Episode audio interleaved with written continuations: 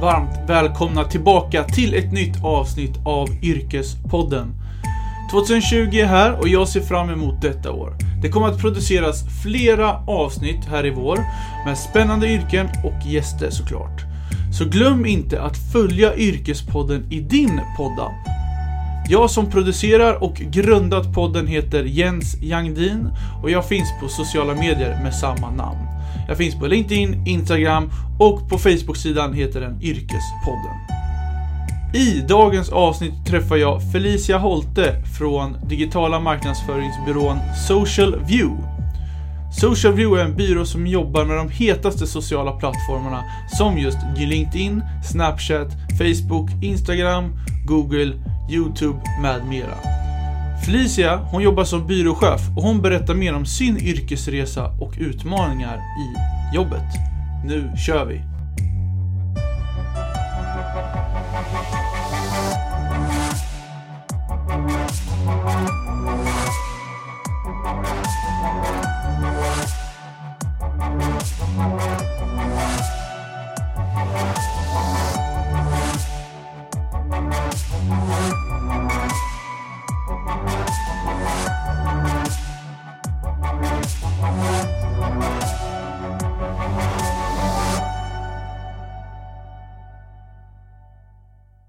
Välkommen till Yrkespodden Felicia. Tack! Kul att vara med.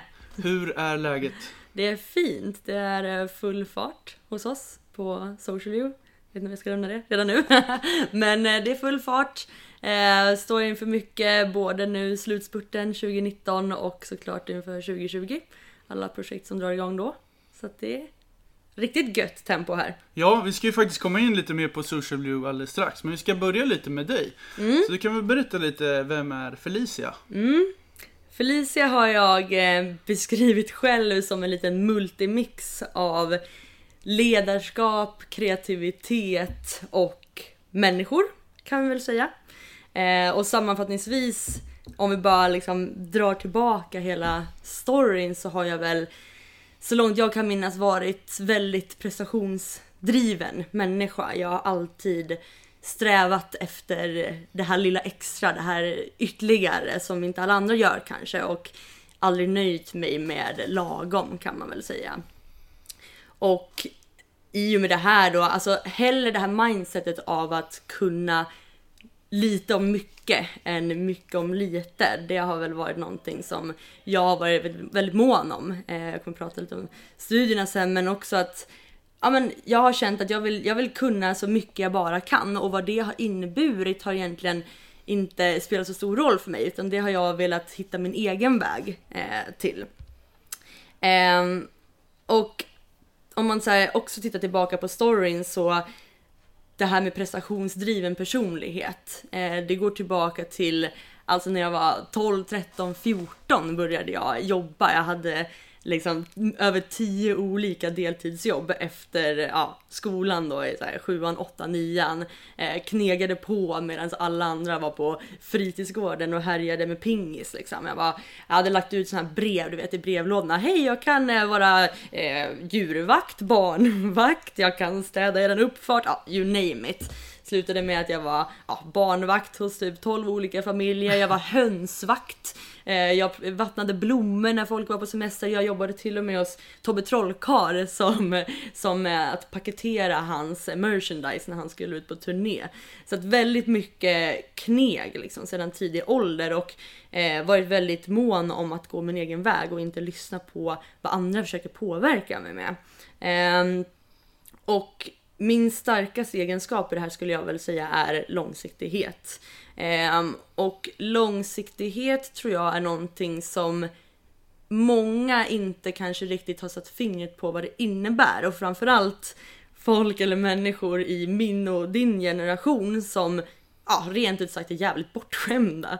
Alltså man, man kan säga, ja, men jag tänker långsiktigt och jag har visioner och jag har mål, jag skriver ner mina mål varje dag. Okej, men vad innebär det egentligen för någonting? Vad innebär långsiktighet? Och för mig så har jag egentligen benat ner det i alltså uthållighet, dedikation, alltså ett jävlar anamma och lojalitet. Det är tre principer kan man säga, eller motton som jag verkligen har strävat efter, utan att kanske veta om det i den tidiga åldern, men också nu verkligen säga men det här är verkligen vad jag, det här är vad som har tagit mig dit jag är idag. Um, och någonting som jag också försöker leva efter. Jag har till och med hemma i sovrummet så har jag satt upp en sån här tavelbord eh, med tre tavlor då eh, som ska representera det här. Så första tavlan det är en, en eh, bild på en kamera eh, och den symboliserar, för jag började nämligen min karriär som, som fotograf, min riktiga karriär då, utöver barnvaktsjobben och det. Men min riktiga karriär började som, som fotograf och den här tavlan på kameran symboliserar just, ja men kom ihåg vart du började, alltså uthållighet. Eh, att man började liksom knega gratis, man jobbade för liksom 50 spänn timmen och har tagit sig dit man är idag. Det är en ständig påminnelse om det, uthållighet. Sen så har jag en bild på ett så stormigt hav och den symboliserar att ja, men ett stormigt hav har ju inte format en, en toppseglare ju. Eh, du har säkert hört den quoten fast på engelska tidigare, men jag gillar den väldigt mycket. För det handlar om dedikation och det här jävla anammat, att inte ge upp liksom. Även fast det kanske är lite jobbigt och tufft, men det är ju det det ska vara. Annars så är det ju inget roligt heller, det är ju resan som är kul. Och så den sista så här på en, en varg då. Och den representerar lite ja, ledarskap och det lojaliteten. Att så här, ja, eh, quotet är väl så ja men kasta mig till vargarna och jag lovar att återkomma som ledare för flocken. Eh, och det symboliserar för mig att lojalitet och ödmjukhet har varit min, mitt liksom eh, S i rockärmen i allt, alltså alla relationer jag har gjort och jag tror att, eh, jag tror verkligen, eller jag är övertygad om att det är vad som vad som faktiskt har en långt. Att man är extrem, man visar sin lojalitet, man visar respekt, man är extremt ödmjuk till att liksom, eh, till feedback, att ge feedback, att bli kritiserad, att, att ge kritik och så vidare.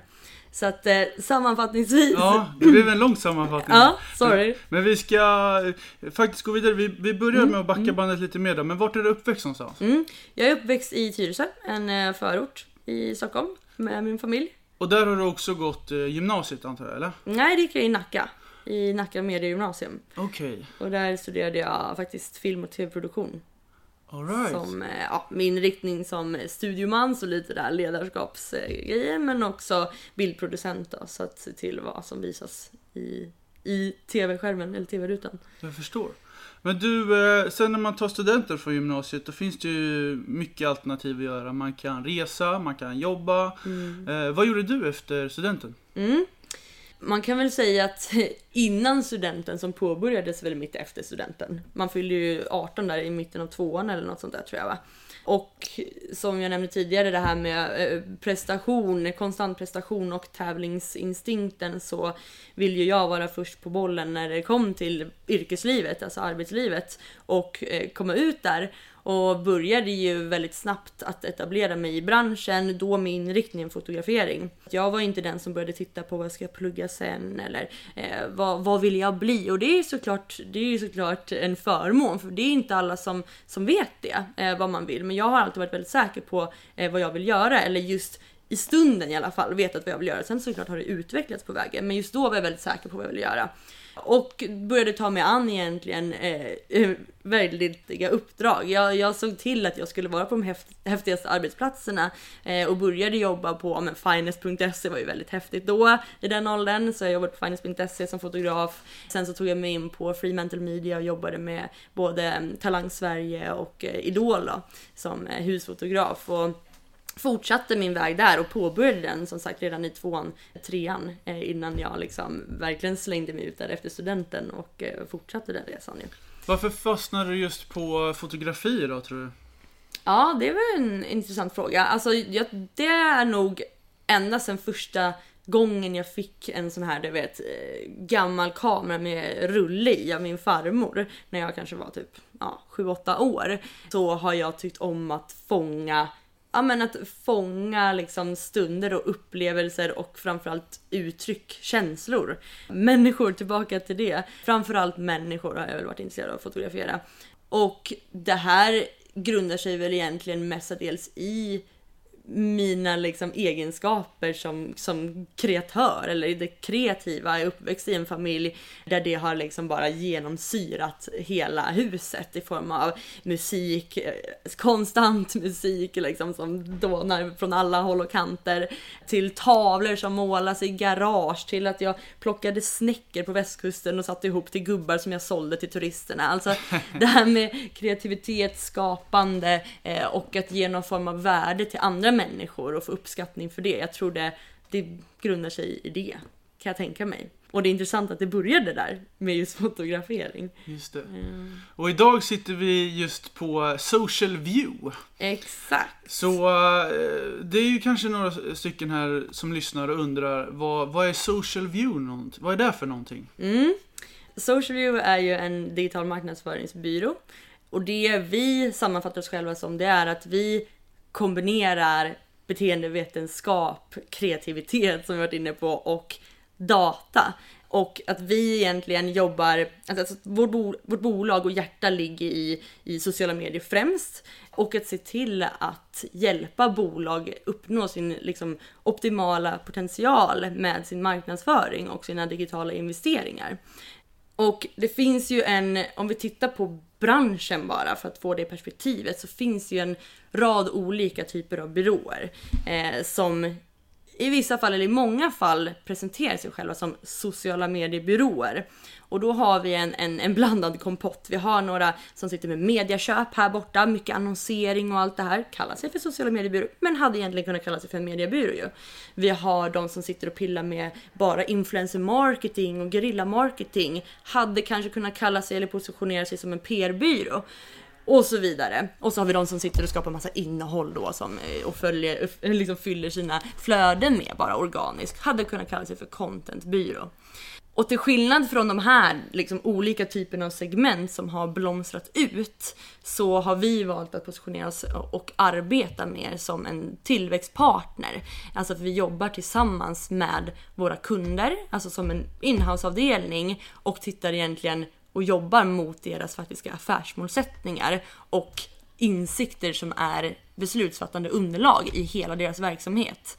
Så skulle jag beskriva egentligen vad det är som gör oss unika och vilken take vi har tagit på sociala medier och det här digitala medielandskapet som bara har exploderat de senaste åren.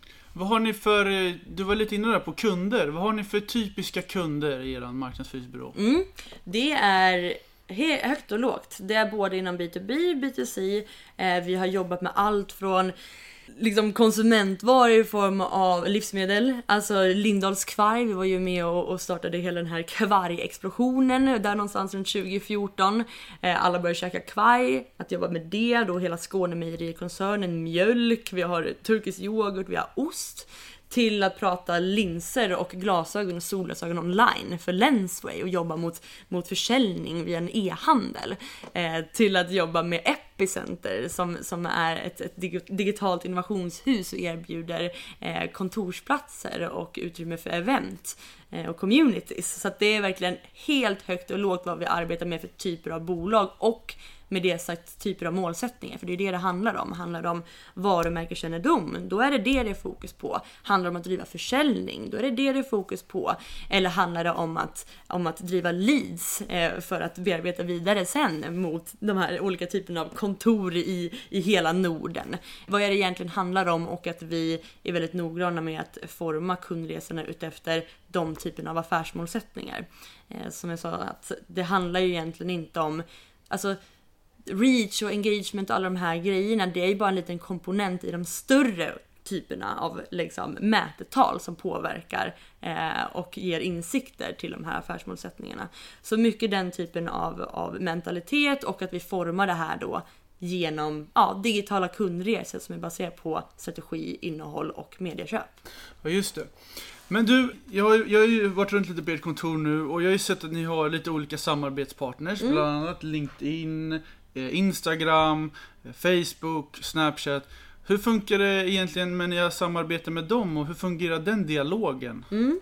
Facebook om vi börjar där, våran eh, Big Brother tänkte jag säga. Men de är ju väldigt duktiga på sina samarbeten och att se till att de har Ehm, account managers egentligen för alla byråer som behöver både kunskap och insikt och utbildning, allt det här som, som, som Facebook erbjuder och annonsmöjligheterna då ju. Eh, så där har vi ju väldigt nära kontakt med både svenska kontoret och med kontoret i Dublin då, det europeiska huvudkontoret. Ehm, Sen så har vi ju eh, LinkedIn då bland annat. Eh, där så är det ju en annan typ av samarbetsform. Där jobbar man kanske inte direkt med LinkedIn utan man jobbar med Adcolony som är en typ av mellanhand och deras liksom exklusiva partner då. Eh, där vi ibland flyger in representanter från LinkedIn som får närvara under våra event eller ge oss sessions eller vara med på kundworkshops eller liknande. Här att ni har ju mycket täta samarbeten och om det skulle utvecklas nya eh, saker på deras plattformar så är ju egentligen ni först med att få reda på det. Absolut, så att vi kan sammanfatta det som eh, att vi har, vi har ju som säger extremt mycket insikt egentligen av och hos alla de här typerna av plattformarna och det gör ju att vi är oberoende av plattform. Det är väl egentligen det det handlar om och det blir ju en USP och ett mervärde gentemot våra kunder. Att vi är inte en Facebook-driven byrå. Eller vi lägger inte hela vårt medieköp på Google. Utan vi lägger dina pengar där vi vet att din målgrupp är ju.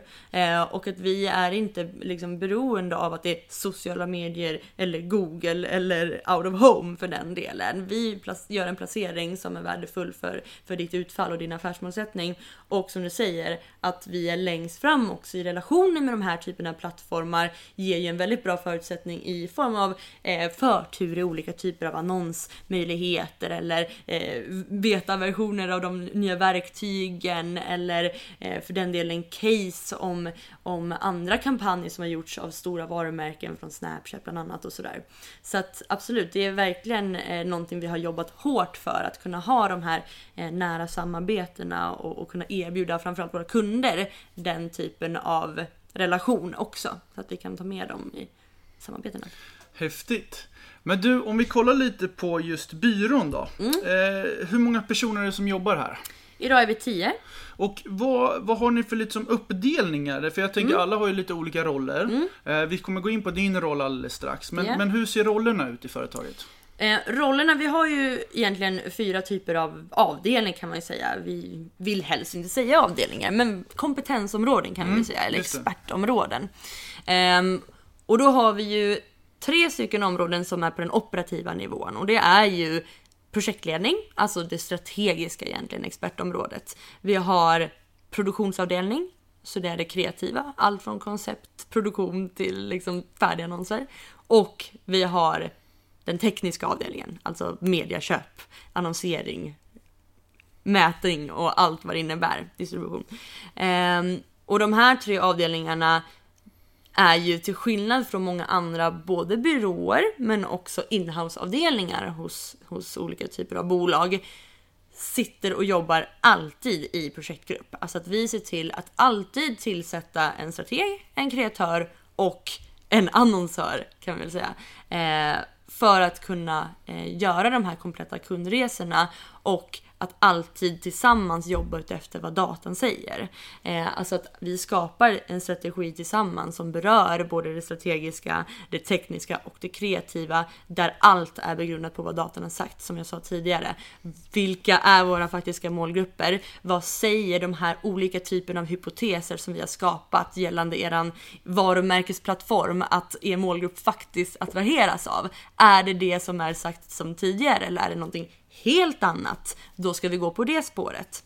Ehm, och annonseringen då, att hela tiden se till att vi har en vattentät distributionsplan, men att den också är snabbrörlig utefter de förändringarna som sker ju. Att vi ska kunna ha rätt förutsättningar, det vill säga innehåll, kommunikation på plats, att så här kunna byta. Så att, att ha de tre avdelningarna jobba så pass tätt tillsammans när andra bolag sitter med performance i det hörnet och creative i det hörnet och de sitter, performance sitter och sliter sig i håret och bara varför funkar inte våra annonser? Och creative bara gör så här med fingret i luften och, och bara höftar med att skapa innehåll. Det här kan bli fint liksom. Um, så att allt vi gör, gör vi tillsammans i de här olika typerna av ben eh, och att vi alltid jobbar efter vad datan faktiskt säger.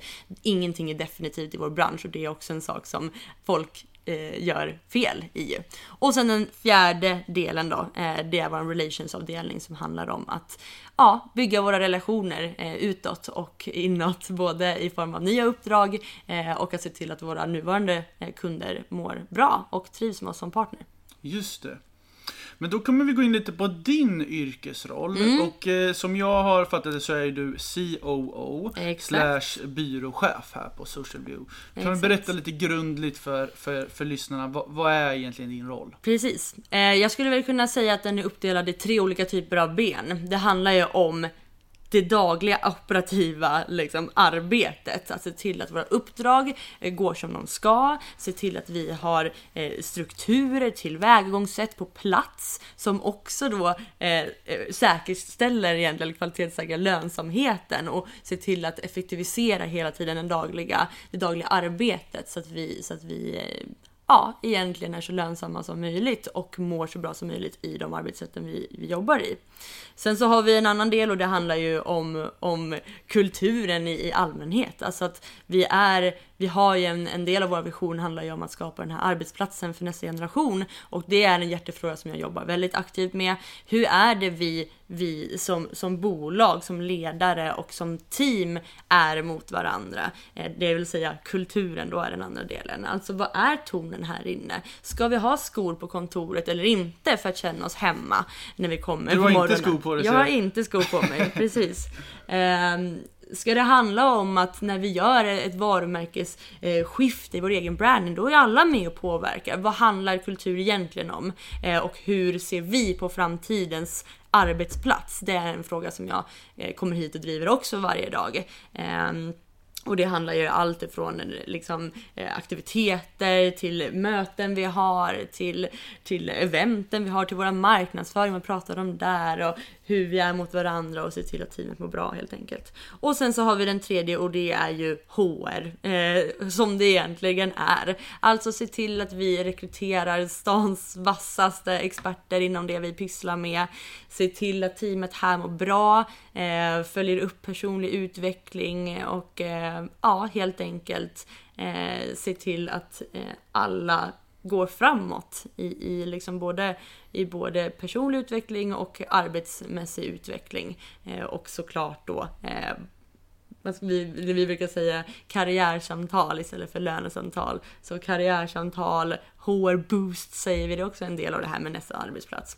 Så att mycket av det eh, och sen en annan del då, det är ju lite större strategiska frågor på ledningsnivå som berör bolaget i sitt större hela då. Eh, tillsammans med, med bland annat våran VD Andreas. Just det. Så att ja, det operativa dagliga arbetet, eh, lite kultur och den här hjärtefrågan om nästa generations arbetsplats och HR, traditionell HR men med en liten egen take på det kanske. Just det. Men du, du var faktiskt lite, lite inne och snudda på det ämnet. Men eh, vad är liksom framtidsplanerna nu för eh, Social View? Mm. Ehm, lite som jag var inne på tidigare, det är ju den här frågan som vi tycker har legat i källan alls, alldeles för länge egentligen. Den här frågan om att hjälpa både branschen men framförallt alltså bolag, kunderna eh, i kunskapen om vad fasiken får du ut av din budget här. Du ska ju äga din marknadsföring, det ska inte byråerna göra. Och att vi som byrå kan stå bakom den frågan, eh, det tror jag kommer inspirera många andra till att också kanske ändra lite perspektiv i hur man arbetar. Eh, och att man måste börja anpassa sig efter hur då, alltså, verkliga livet faktiskt ser ut. Vi kan inte jobba efter gamla traditionella tillvägagångssätt när det kommer till marknadsföring. Vi måste anpassa oss efter hur beteendet faktiskt ser ut. Ehm, och ehm, ja, att fortsätta driva den frågan, vara längst fram i spetsen med den flaggan och utöver det här då eh, har vi en ambition om att bli en, en liksom ledande plattform för den här typen av kunskapsdelar när det gäller egentligen all typ av digital marknadsföring. Att om nu Facebook lanserar en kryptovaluta, eh, Libra, då är vi först och man vet om det och går in och läser om det. Eh, men också att man vet att, att vi är liksom som de man kan, man kan höra av sig till. Det kan vara i alla typer av former. Det är inget som är utvecklat än, men att vi blir en typ av plattform eh, som erbjuder den här typ av kompetens helt enkelt. Eh, och sen såklart på vägen då eh, så vill vi ju ja, forma en jäkligt häftig arbetsplats, fortsätta med vår tillväxt. Eh, vi vann nu i år, eller blev tilldelade en gasell. Så Just det, grattis! Tack! Så att fortsätta vår tillväxt och sen så har vi såklart en målsättning om att kanske inom tre år expandera globalt. Har ni någon typ av, om du får spontant nu bara tänka, vad, vad är er drömkund? Vad är drömföretag, samarbete som ni skulle vilja ha? Mm den... Eh, vi har pratat om den tidigare och vi brukar säga att det finns egentligen inte någon sån eh, om vi tittar på bransch eller produkt eller tjänst. Jag tror det handlar mer om mindset. Det är det vi går på när vi pratar i så fall drömkund. Det handlar om, okej, okay, antingen så är du kanske traditionellt storbolag som sitter med, med mycket utmaningar eh, när det kommer till, eh, till, till eh, det digitala. Att man, man kanske inte har en, en e-handel på plats eller man kanske inte ens har ett annonskonto. Man har aldrig varit aktiv i sin marknadsföring överhuvudtaget. Man kanske har varit ett business to business bolag men förstår att okej, okay, vi måste börja med vår kommunikation business to consumer nu helt plötsligt. För att nu börjar liksom våra leverantörer göra produkter som vi. Det kan vara en sån typ av kund eh, som behöver som skriker efter hjälp, hjälp oss och vi kan komma in som den typen av strategisk affärspartner och hjälpa dem att driva sin affär via digitala kanaler. Så det blir mer, det blir ett mer, vad ska man säga, omfattande eh, samarbete på det sättet och en mycket, mycket närmare relation så länge den typen av kund har den inställningen att shit, vi måste göra en förändring. Det är ju den mentaliteten vi söker där och vi, vi älskar ju förändring och utveckling så att om det kommer en sån kund då är det såhär, åh gud vad kul, gud vad roligt, vad brinner, vi brinner för det liksom. Och sen så har vi det andra perspektivet och det är ju eh, bolag som, som är väldigt eh, längst fram i den digitala utvecklingen som har alla typer av lösningar på plats. Man kanske har en e-handel, man är igång med sin annonsering, man har byggt jättebra målgrupper på rätt sätt, eh, man har koll på sin data, man har samlat den, allt vad det där nu innebär. Man har en varumärkesplattform och allt det där också såklart. Eh, som vill utöka sin affär och är väldigt säkra på det här är de målsättningar jag har att jobba mot. Det här är på plats, hur kan vi växla upp nu eh, och, och bidra till, till utökad tillväxt ju. Så att det är två typer av kunder, de som vill gör någonting nytt, står i en förändringsfas. De som är väldigt eh, digitalt liksom kompetenta och behöver spetsa ännu mer. Eh, de två typerna av eh, liksom mindset brinner vi väldigt mycket för att hjälpa. Just det. Men du, eh, vi ska faktiskt ta och eh, knyta ihop ja. den här säcken just nu. Eh, och då är det så att alla mina gäster i podcasten får alltid ge lite tips. Mm. Och då är det så att då har jag bett dig att ge tre tips till hur, hur som företag att man kan bli bättre på sina sociala medier. Du som är experten och ni som jobbar med just så tätt med sociala medier. Mm. Så du ska ge tre tips. Så vad skulle ditt tips nummer ett vara till företaget? Mm. Tips nummer ett skulle vara se för guds skull över era resurser. Vilka samarbeten genererar faktiska affärer och värdefulla insikter för er tillväxt? Alltså prioritera att er budgetfördelning ger utdelning. Grymt. Tips nummer två. Tips nummer två, gör en ordentlig granskning av er affär. Alltså hur ser kundresan faktiskt ut och era säljcyklar? Alltså omsätt det här till er digitala kundresa och arbeta strategiskt med kommunikation på rätt plattformar. Och såklart med träffsäkra budskap och slutligen mot målgrupper som faktiskt är intresserade av er affär som jag nämnde tidigare. Inte någon jävla persona som er kommunikationsbyrå har höftat fram utan titta på datan. Just det. Mm. Och sen ett avslutande tredje tips, vad skulle det vara? Mm. Mitt sista tips eh, skulle vara att se till att inte fastna i det här KPI-träsket liksom. För många målsättningar som vi vet i, i, i det privata livet är ohanterligt ju. Besluta er för vilken eller vilka affärsmålsättningar som är viktigast och fördela resurserna ut efter det här. Se även till att både sälj, marknad, webb, ledning är väl inkopplade i er investering och att de inte jobbar i, i silos för att säkerställa att utfallet ger påvisat eh, värde både kortsiktigt och långsiktigt. Just det.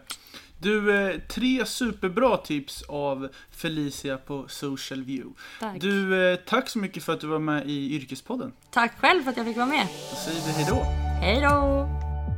Hej hörni, Jens här från Yrkespodden. Hoppas ni tycker om podcasten och se till att prenumerera på Yrkespodden i din poddapp. Det finns på Spotify, iTunes, Acast, Soundcloud, ja, ni vet, där alla poddar finns. Jag finns också på LinkedIn, Jens Yangdin, och även på Instagram, där jag också heter Jens Yangdin. Tack så mycket!